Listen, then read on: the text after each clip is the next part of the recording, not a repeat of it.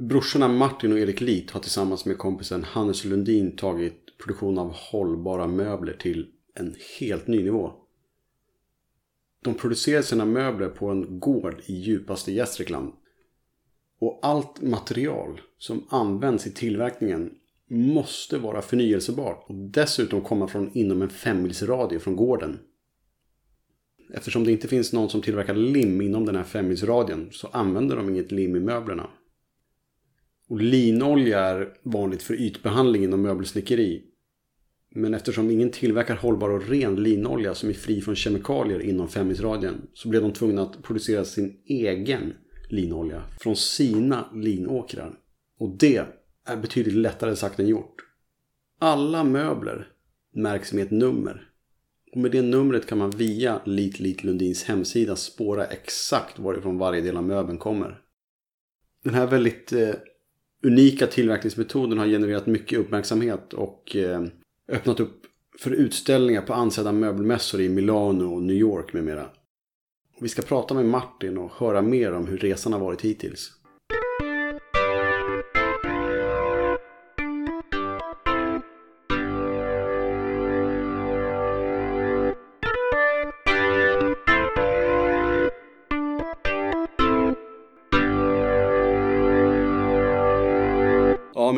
Massa frågor som jag har tänkt ställa här, men jag ska försöka vara någorlunda strukturerad. Ja, men jag har all, all tid i världen så det är Ja, bara att köra. Ja, men då sitter vi på Elite Hotels i Gävle, där du jobbar. Yes. Och vad, vad gör du här? Jag är försäljningschef för hotellet. Eh, Så jag jobbar med ehm, alla typer av intäkter till hotellet. Främst är det konferens och logiavtal. Sen jobbar jag med ehm, eh, rätt mycket marknadsföring och liksom hur, hur Elite Hotels ska profilera sig i, i stan. Är det, är det roligt? Jätteroligt! Eh, hotellet här i stan är fantastiskt fint. Eh, och sen utöver det så är jag också ansvarig för, eller en av två som är ansvarig för all musik inom Elit. Så det är också en del av mitt arbete. Hur funkar det? Alltså var ni spelar Var ni, i eh, ja, lobbyn? var, precis. Var vi spelar på de olika hotellen. Eh, och då gäller det att hitta en, eh, skapa en musikprofil som, som lirar med, med Elit och dess varumärke. Och, eh, då är det så här lite personlig smak också. Som, Eh, ja, till viss del. Eh, Men eh, jag är ju gammal hårdrockare så jag vet inte hur det hade lirat liksom.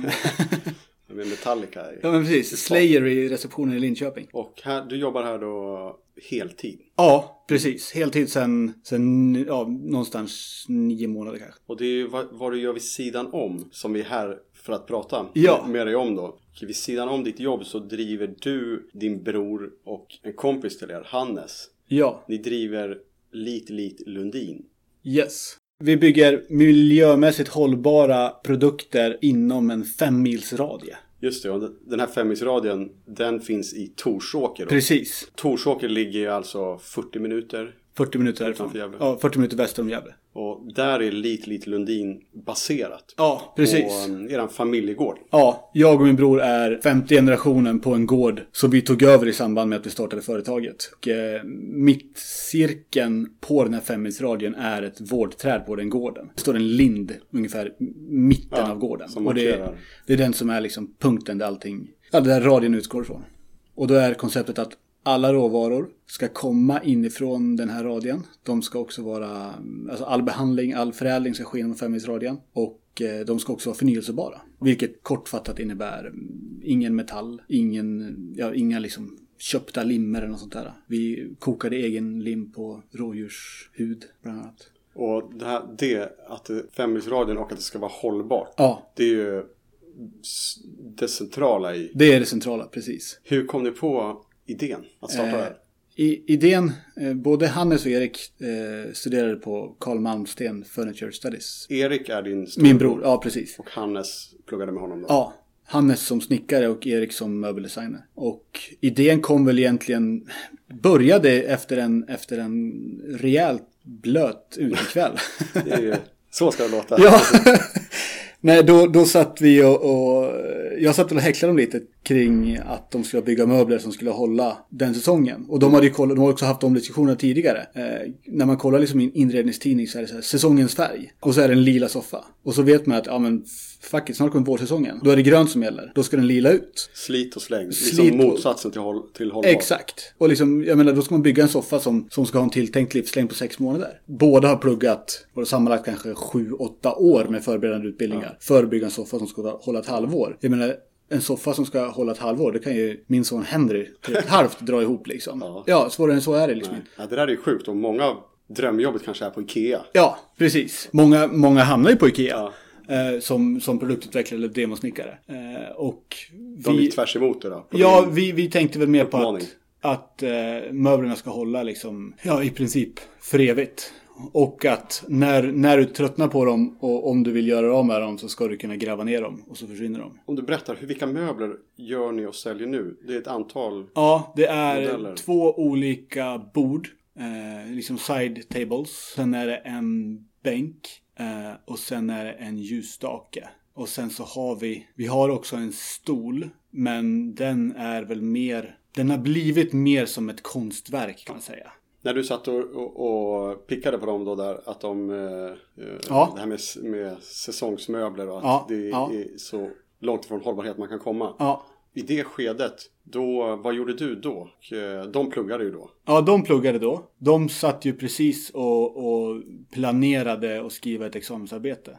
Eh, jag hade sagt upp mig från mitt jobb nere i Helsingborg. På, på Elit också.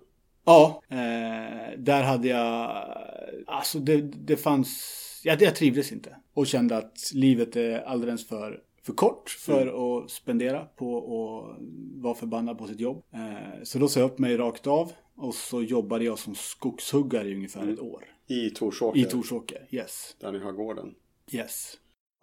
Innan du började jobba på Elite Hotel så pluggade du, pluggade du någonting innan? Vad hade du för bana i livet innan? Innan, eh, Innan Helsingborg där, där du sa upp dig? Mm, innan Helsingborg så var jag på Elite Göteborg i några år. Där jobbade jag i driften på, på, våra, på våra Plaza och Park. Fantastiska hotell här. Lägga till där. Det var skitroligt. Och innan dess så pluggade jag i Grythyttan, Hotel Management. Mm, det var en, en utbildning jag avbröt. Dels för att jag fick chansen att, börja jobba i Göteborg. Och dels för att utbildningen var väl inte riktigt vad jag hade förväntat mig. Och du är uppväxt i Torsåker på gården som, du, som ni fortfarande bor på nu då? Mm. Jag bodde på gården tills jag var, tills jag var åtta. Då skildes mina föräldrar och så flyttade vi vidare ifrån. Eh, och sen så flyttade jag från, men då flyttade vi liksom inom Torsåker. Och sen så när jag gick, när jag gick i åttan, jag vet inte om jag var 14 kanske, då flyttade vi in till, till Gävle. Ja, om vi då går tillbaka till läget då när Erik, din bror och Hannes pluggade på Karl Malmstens. Eh, kan du ta oss tillbaka där lite och berätta hur det gick till? Ja, det var väl i, i, i deras arbete med examensjobbet eh, så började det liksom utkristallisera sig en, ja, egentligen en, liksom, ett embryo till ett företag. Eh, och ju, ju längre de jobbade på det och jag var väl med och, och liksom stöttade i den mån jag kunde. Så blev alla tre mer och mer liksom taggade på att det var det här, det var det här vi, vi ville göra. För att liksom det, det var en för spännande idé. Liksom alla blev så sugna på att, prova det. Så, så det, var liksom, det, var, det var så det började. Vi tog egentligen examensarbetet ganska rakt av. Eh, Och sen så, sen så körde vi igång. Vi var väl igång egentligen redan innan, innan examen. Nu är det 2019 då. Vilket år var det här? På ett ungefär. Det här måste ha varit 2013. Vad var första steget till att göra det till verklighet så att säga? Till början på en affärsverksamhet? Jag tror, jag tror det första steget, alltså då, då i alla fall jag kände att det blev, att det blev verklighet. Och det, det, det är väl någonting man, man i det här fallet alltså att man är fler. Men det var att, att vi satte oss ner och verkligen liksom drog upp grundplåten för hur vi skulle samarbeta. Alltså vi tog upp regler som att, ja, att, det, ska- att det ska få vara jävligt högt i tak. Det är en klyscha. Men, men om, om alla inblandade är liksom med på att det ska vara det, då kan man också få till en, en väldigt bra arbetsmiljö av det. Och att, ja en till klyscha, saker får inte gro. Utan att vi var liksom alla tre också överens om att ta upp någonting, hur litet och, och skittöntigt det än må vara. Ta upp det direkt innan det liksom, innan du går och blir, blir bitter på det. Det var väl då jag kände att, att nu, nu, nu är det här allvar? Har ni ställt undan de här Ja men precis. luften? Exakt. Så idén var klar då? Då var idén klar. Sen är det ju liksom formalia i att att starta bolag och sådana grejer. Då hade vi ju redan i, då var vi ju redan i- igång i huvudet så att säga. Så då, då fanns det ingenting att, ingenting att backa på. Och i det skedet, om jag förstår det rätt, så flyttade ni alla tre till gården. Precis, Och exakt. då, där satte verksamheten igång. Och det första som blir alltså om man ska starta snickeri det är ju att skaffa ett snickeri. Och där fick vi liksom kolla ja, vilka sparpengar vi hade liksom. Och, och lite räta munnen efter matsäcken och, och se vad vi kunde få ihop. Eh, där hade vi också en kompis som, som var intresserad av snickerier. Så att vi, vi hade, han hade några maskiner, vi kompletterade med några andra. Och sen så liksom kunde vi bygga upp en, en, skap, en bra verkstad. När hade ni första möbeln klar? Bara inom någon månad, inom några Okej. månader. Mm. Och då är vi runt 2013. Ja, 2013, 2014 Mm, där i krokarna. Och där hade vi också, vi blev ganska, ganska snabbt uppfångade av eh, Business Sweden, alltså före detta Svenska Exportrådet. Och blev medbjuden på, på utställningar med dem. Det är ju en möbelmässa nere i Milano varje år som är, är världens största. Det är väl Just 1,2 miljoner tillresande tror jag. Eh, och där, där ställde vi ut, med första två åren med dem tror jag, och så har vi ställt ut varje år. Men under annan Och ni blev upplockade då för att det fanns så stort intresse för det här konceptet? Ja, precis. Stort intresse för konceptet. Det, det var väl liksom det primära. Och att de såg då en... Alltså, de såg att den, att den svenska marknaden kanske inte... Att det inte fanns lika stor potential på den svenska marknaden som på den internationella marknaden. Eh, utan att eh, de såg liksom att det här kan bli en väldigt stor exportgrej. Och det, det har vi ju märkt eh, även efteråt. Alltså vi ligger väl på 95% export kanske. Eh, det är liksom... Det är utomlands. Det, det gäller. Och jag tror inte att det är att, att svenskarna inte är, är miljömedvetna eller in, liksom, intresserade av hållbarhet. Utan det är att, att eh, Scandinavic Design har en väldigt stor, en väldigt bra rykte om man kommer internationellt. Och hållbarhetstänket i Norden är också väldigt känt för att vara väldigt bra internationellt. Så de två liksom kombinerade på en internationell marknad blir väldigt bra. Och hur, hur gick det till när ni sålde era första tio eh, möbler? Minns du var, var, de, var de såldes? Eh, ja, alltså vi var ganska, det tog ganska lång tid innan vi började kontakta återförsäljare. Så här i efterhand som försäljningschef för, för Lite Lundin så kan jag ju ångra det lite. Men, men eh, vi, vi, i början så ställde vi ut så otroligt mycket. Det fanns inte riktigt tid för, för den liksom marknads... Dels sonderingen men också liksom bearbetningen. Det var ju, det var ju mailledes. Att folk hörde av sig till oss och sa jag har sett er där. Eller i den På, ute på tidningen. olika mässor? Ja, och, och i i tidningen. PR som hade kommit från mässorna? Exakt. Vi fick väldigt mycket press från det. Så ni var på den här mässan i Milano och sen ställde ni ut på Ja, det var i. New York, Turin, det var liksom överallt. Liksom, ja. Och det är stora som liksom Älvsjömässan gånger 10 och så står man... ja, om man kollar Milano så är det ju Älvsjömässan gånger... Alltså en av hallarna är väl lika stora som Älvsjömässan och jag tror det finns 12 hallar eller något sånt där. Och där var ju ni, måste ni varit rätt alltså väldigt tidiga på bollen liksom med det här hållbara. Ja, det har vi märkt, ja, det har vi märkt i, i efterhand och det fick vi också höra väldigt ofta när vi stod där. Alltså vi fick höra det var två saker som, som alltid återkom som kommentarer på att vi, att vi ställde ut. Det, det första var att vi var för billiga. Vad kostar era möbler? Eh, bänken kostar 5 och 6. Borden kostar, det lilla kostar 6 och det stora kostar 8 ungefär. Och det var väldigt många gallerier som var intresserade. Men som sa att om det här hade kostat 40 000 så hade vi tagit in det direkt. Eh, men vi, vi hade väl också någon tanke i det där i den, liksom, i den eh, ekonomiska hållbarheten. Att det blir ganska tråkigt att sälja liksom fyra prylar per år och tjäna absolut jättebra på dem. När man kan sälja kanske 40 prylar per år och tjäna lite mindre. Men att få en större spridning och att produkterna blir tillgängliga för en större potentiell kundgrupp. Eh, Att man liksom inte att man, inte, att man inte säljer dem för dyrt helt enkelt. Och sen det andra vi fick höra det var att vi var för tidiga. Och alltså bara utvecklingen under de åren vi ställde ut så såg vi att tankarna kring miljö blev ju så otroligt mycket mer fram, liksom häv, hävda. Fram, ja, det, blev en, det blev ett helt annat miljöfokus i allas arbeten. Eh, och nu är det ju, det, det bara fortsätter att öka. Eh, så jag tror liksom att, att vi var väl väldigt, väldigt tidigt ute. Där i början så var det inte alls speciellt många, om någon, som pratade om liksom miljö.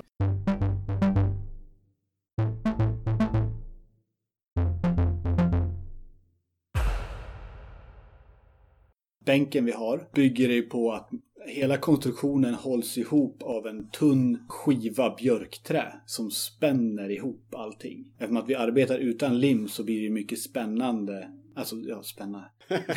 ja. Men det här tål att upprepas för det är, det är inte en skruv. Är, Nej, precis. Alltså, det finns ju man, ingenting nej. sånt. Eh, det finns ing, alltså metall är ju inte förnyelsebart nej. i den mån vi, vi ser på det. Eh, och det finns ju ingen inom en femmilsradie från Torsåker som, som både tar upp metall ur backen och förädlar den till skruvar. Utan det är ju en otroligt lång, lång resadress. Vi har ju gjort eget lim, vi har gjort tester på eget lim där vi har eh, kokat då eh, rådjurshud och fått fram en väldigt bra lim. Eh, det är ju så här, hud och benlim använder ju samerna för att göra sina pilbågar. Eh, och det var därifrån vi fick de recepten liksom. Och det här rådjuret, det fick ni tag på? Ja, det var... Det, vi fick tack och lov så blev det påkört. Eh, så vi, eh, vi hade kontakt med eftersöksjägare. Som sa att nu blev det ett rådjur påkört där. Och det är dött. Så då åkte vi dit och, och flodde det. Eh, men, men det limmet är inte färdigt för produktionen. Det, det stelnar för fort så man hinner knappt liksom applicera det innan, innan, det, innan det härdar. Så då, då i bänken istället så använder vi den där björkfjärden då som spänner upp benen i bänkskivan. Och sen så har vi olika grad, graderade skivor. Och sen så har vi ju läder ifrån Tärnsjö.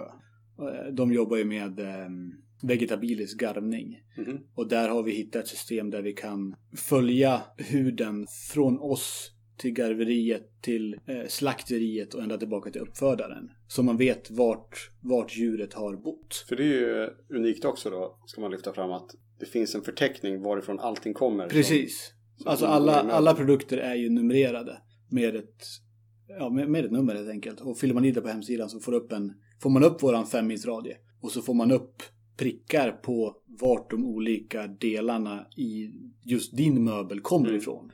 Eh, så då kan du se vart kossan är uppväxt och slaktades, vart den garvades. Du kan se vart linet odlades, vart det rensades och vart det pressades. Hela, liksom, hela resan. Om man spolar fram då till idag. Ja. Då har ni hållit på sedan runt 2013 kan man säga. Ja. Hur, hur, ser verksamheten ut idag? I något skede här så gick du tillbaka till att jobba ja. här på Elit då. Ja. Hur ser det ut för eh, Erik och Hannes? Ja, alltså det, vi satt, det här måste bli nyår 2018. Alldeles i början av året 2018. Då, då hade vi ett, liksom, inom situationstecken årsmöte. Där vi väl kände att vi alla tre var liksom lite trötta på, på det dagliga arbetet vi höll på med eftersom att vi, vi hade ju våra, våra liksom grundläggande ämnesområden. Jag hade försäljning och marknadsföring, Erik hade design och Hannes hade produktion. Eh, men vi var ju väldigt liksom involverade i varandras arbete. Men, men det blir ändå, man blir ganska isolerad. Eh, som till exempel när jag läste om, om linolja. Ja, men då, då gjorde jag inte annat än att läsa om linolja i liksom två månader. Och det blir i sig ett ganska ensamt arbete. Och det blir också svårt att ha någonting att, boll, ha någon, någon att bolla med i arbetet. När du är linoljeansvarig.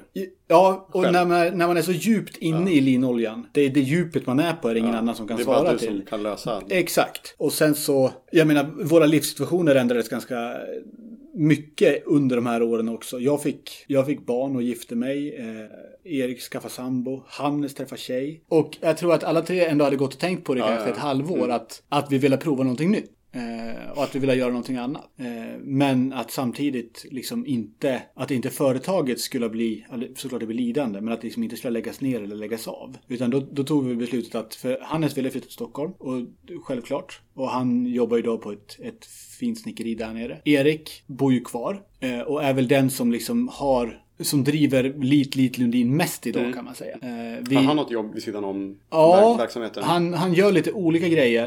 Eh, men, men nu sista, sista tiden så har han ju varit runt på, på liksom en liten föreläsningsturné mm. man kan säga. Vi, mm. under, under de åren vi, vi höll på så blev vi kontaktade av väldigt mycket eh, universitet och högskolor. Eh, som, där har vi liksom hållit i delar av kurser. Det är jävligt ärofyllt. Ja, det är otroligt mm. härligt.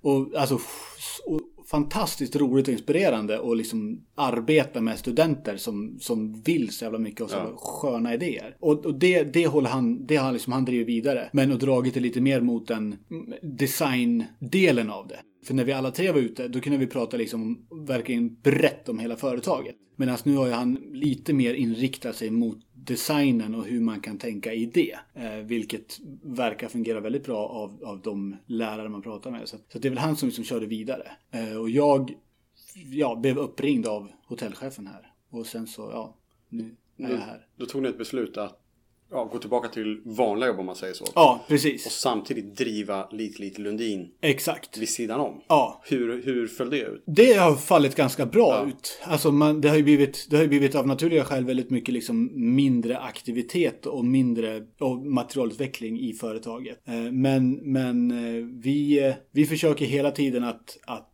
hålla ett lager på möbler. eh, Så att våra återförsäljare alltid kan liksom få prylar.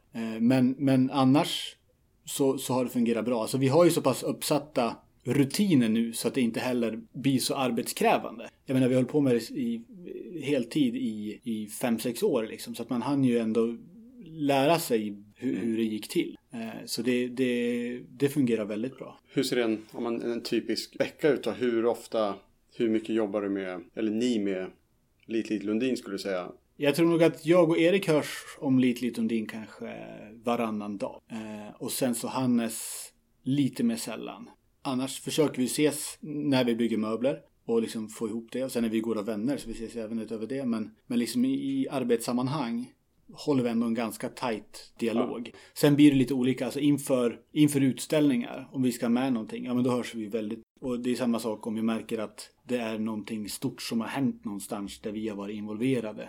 Då, då får vi höras och kolla hur vi kan liksom, hur, ja, hur, vad vi ska göra med det. Ja, ni är så pass tajta och, och samspelta efter Ja, alla åren. Att precis. ni löser Det löser sig rätt, det löser sig rätt smidigt liksom. Man kan ha ett vanligt jobb och göra, liksom driva ja, Ja. sin passion som en verksamhet Ja. vid sidan om. Ja, Och det, det funkar. Ja, det, alltså det är ju... Jag menar första, säg första året så, så är det väl liksom... Då lär ju rutinerna sätta sig. Eh, Men sen så går det hur bra som helst. Man- Och jag tycker också att, att när, man, när man gör det och samtidigt har ett annat jobb så, så fortsätter ju också arbetet att vara väldigt lustfyllt. Mm. Sen i början det har liksom jättemycket varit att så knäcka. Hur, eh, hur löser vi det här nu? Och få till så att det funkar i konceptet och att man kan liksom kan få till för att det, det är också liksom även om, även om bänken i relation till, till andra liknande bänkar är ganska billig så är den ändå ganska mycket pengar och då vill man ändå liksom sälja en väldigt bra produkt. Och om man tar till exempel linolön så, så det slutar med att vi hittar en kille i, i Oklahoma eller någonstans som hade hittat gamla skrifter på hur, hur renässanskonstnärerna, de köpte alla linolja av samma snubbe nere i Italien. Och han hade hittat delar av de gamla skrifterna och översatt dem till modern engelska då. Och då fick vi tag på, på hur han hade rensat linoljan och renat linoljan. Och, och då kunde vi liksom göra det själva. Och det här kommer ni inte på första dagen eller? Nej, det här var ju typ dag 50 kanske. Ja. När man gör research i arbetet så det kan också vara liksom otroligt lustfyllt och liksom men, men när, liksom, när man är så inne i det. Jag menar, jag låg och läste linolja hela natten. ja, men det, det blir ju så. Det, till slut man pratar inte om annat än linolja. Nej, nej. Eh, och det är ju... Ja. Vad har varit den sån här värsta, är linoljan den värsta nöten jag behövt knäcka? Eller har, har du någon annan, ett hinder som ni, som ni har knäckt för att få ihop möbeln? Ja, linoljan li, ligger högt. Eh, Men sen har det också varit, och det är ju fortfarande idag, men det har vi ju tack och lov hittat rutin på. Det är ju spårbarheten. För säg att vi, att vi hittade fyra hudar vi ville ha. Stansade x antal bitar av varje hud. Och då ha koll på från vilket djur just den Ja, ja, ja. biten kommer ifrån. Och liksom kunna säkerställa att det verkligen är, är det djuret. Ja, det är mycket admin. Ja, och det är samma sak alltså. Jag menar, trä, träna i skogen. Då ska du veta vart just, just den här träbiten kommer ifrån. Och vart just den där träbiten kommer ifrån. Och hålla liksom isär, hålla isär det på ett effektivt sätt. Och samtidigt kunna ha liksom en, ett produktionstänk i det. Mm. Så att du inte liksom leta i 25 minuter för att hitta rätt träbit. Eh, det, den logistiken tog ett tag att knäcka. Så den, Och den hur, hur ser spårbarheten ut nu då? Om, om man ska summera. Var, var går man in om man ska? Är det på hemsidan? Man, Ja, det är på hemsidan. Det är litlitendin.se. Där finns det också en sån här, Varenda liten detalj. Ja. Var den kommer ifrån. Och där finns det också en sån här trial version att du kan, att du kan fylla i ett, ett nummer. Det är väl antagligen därför ni får föreläsa om det. Men liksom skolbok. Hur eh, hållbarhet på så Ja, mikronivå Ja, precis. ser ut. Hur man, hur man verkligen arbetar till 100% hållbart. Och där har vi liksom någon, någon idé och vi har kontakt med, eller vi har blivit kontaktade med av olika mm, biståndsorganisationer. Sen har det tyvärr aldrig blivit av. Men liksom för idén med den här femmilsradien, om man kollar ur ett socialt hållbart perspektiv och ett socialt ekonomiskt perspektiv. Det är att, att om du håller om du håller all förädling inom fem mil så stannar ju också mycket av ekonomin inom fem mil. Eh, och då om man skulle kunna applicera det i en annan del av världen i liksom ja, ett hypotetiskt liksom, i ett utvecklingsland så kan du ju få en, liksom, en makroekonomi att, att fungera i en sån här produktion. Hur ser eh, framtiden ut tror du då? För Lit Lit Lundin. Välj Ja. att inte tänka för mycket framåt. Har ja precis. planer, Alltså, vi, har väl, vi har väl lite planer och idéer på dels på eh, en ny produkt eh, som, som liksom ligger och gror lite eh, hos Erik. Och sen så får vi lite frågningar från, eh, från leverantörer. Om och, alltså från nya leverantörer. Eller vad säger jag, nya återförsäljare. Där måste vi bara bli bättre på att och producera till de vi har. Det känns som att vi ändå har i, i många kretsar har vi ändå byggt upp ett, ett namn. Och som, ett namn som, som verkar hålla väldigt bra. Eh, så jag tror att liksom, framtiden ligger för. Och det känns inte alls omöjligt att det, att det liksom att vi återigen går tillbaka till att göra det fulltid. Mm. Det ska jag säga är inte alls en omöjlighet. Ja, men då har jag ett moment här då som är... Oj. Som är blindprovning. Ja. Nu vet ju du förmodligen vad det här är för möbel. Tanken är då att eh, du ska få, Martin ska få se en, en väldigt känd svensk möbel här då. Och så ska han få säga vad han tycker om den. Och om det är ett bra hantverk. Och, eller om, nu, om, om man nu tycker det. Och varför, varför det är det. Ja, då vi, visar jag en, en möbel för Martin här då. Känner du igen den här? Ja, Lamino. Laminostolen heter Ja, den så. ja, ja, stämmer, stämmer. Svensk klassiker eller? ja verkligen. Ja, vad, vad, vad tycker du om den? Jag tycker den är eh, otroligt fin. Jag menar, den är en klassiker verkligen av, av ett skäl. Det jag tycker är snyggast är liksom linjen, hur ska man säga, linjen i, i karmen. Eh, sen så är den ju, den ligger mig lite också varmt om hjärtat för att den har ju också det här som, som vi jobbar med, med ganska tydliga material. Mm. Fårull då, trä. En, vet du priset? Nej, det vet jag inte. Om du skulle gissa då? Nej, jag törs inte. Ja, dra till med något. 25? Ja, men det är inte så dum gissning alls. Lamino-fåtöljen ligger ju ja, runt, beroende på återförsäl- återförsäljare då, men runt 15 000. Ja. Det Ja. är... Men det är en bra, det är en bra möbel skulle Ja, säga. definitivt. Vad, vad är det som gör det till en bra möbel?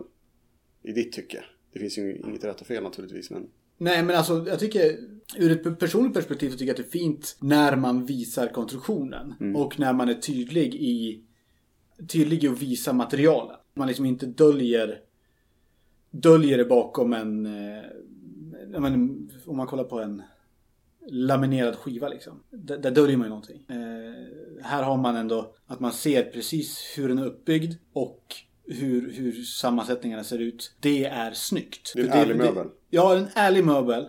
Och, och för det, det är också konst, det blir ju en svårare grej att få till. För om du kan dölja allting, då behöver du inte göra det speciellt bra, för det är ingen som ser det. Men om du gör det där allting syns, då, då, då ska det vara snyggt gjort och bra gjort. Och när man får till det i en så här pass snygg möbel, då har man ju någonting liksom verkligen Mm, på spåren. Man, man köper ju inte en, en sån och, och, och byter den nästa säsong. Nej, de- definitivt inte. Den här har man. Ja, En riktig möbel. en riktig möbel, precis. Om man går då lite, lite Lundin. Var kan man köpa era produkter? Dels på en hemsida. Eh, Det är ju en, en webbshop. Mm. Och adressen är då? Litlitlundin.se, alltså LITH, LITH. hannelundin.se. Eh, det är en webbshop och sen så kan man också självklart mejla, mejla direkt liksom och fråga. Eh, sen så har vi ju två återförsäljare i Stockholm. Manos på Söder och Old School Hantverk i, i Gustavsberg. Och sen så har vi lite internationella återförsäljare. Vad kan man, kan man följa på någon? Ja, alltså vi har ju ett Instagramkonto som, som lever men eh, skulle jag säga chippar efter andan. Mm. Men det kommer ju att hända mer där. Så jag skulle säga att det är väl det primära. Stay tuned. Verkligen. Ja men då får vi tacka Martin för att han har tagit sig tid här och Ja, ställa upp mycket. på en intervju. Tack så Jättekul. mycket, det var skitskoj. Och eh, gå in på um, hemsidan och följ dem i sociala medier och beställ möbler. Det kommer Ja. inte ångra för de har man hela livet. Ja, Ja, barnbarnen också. ja precis.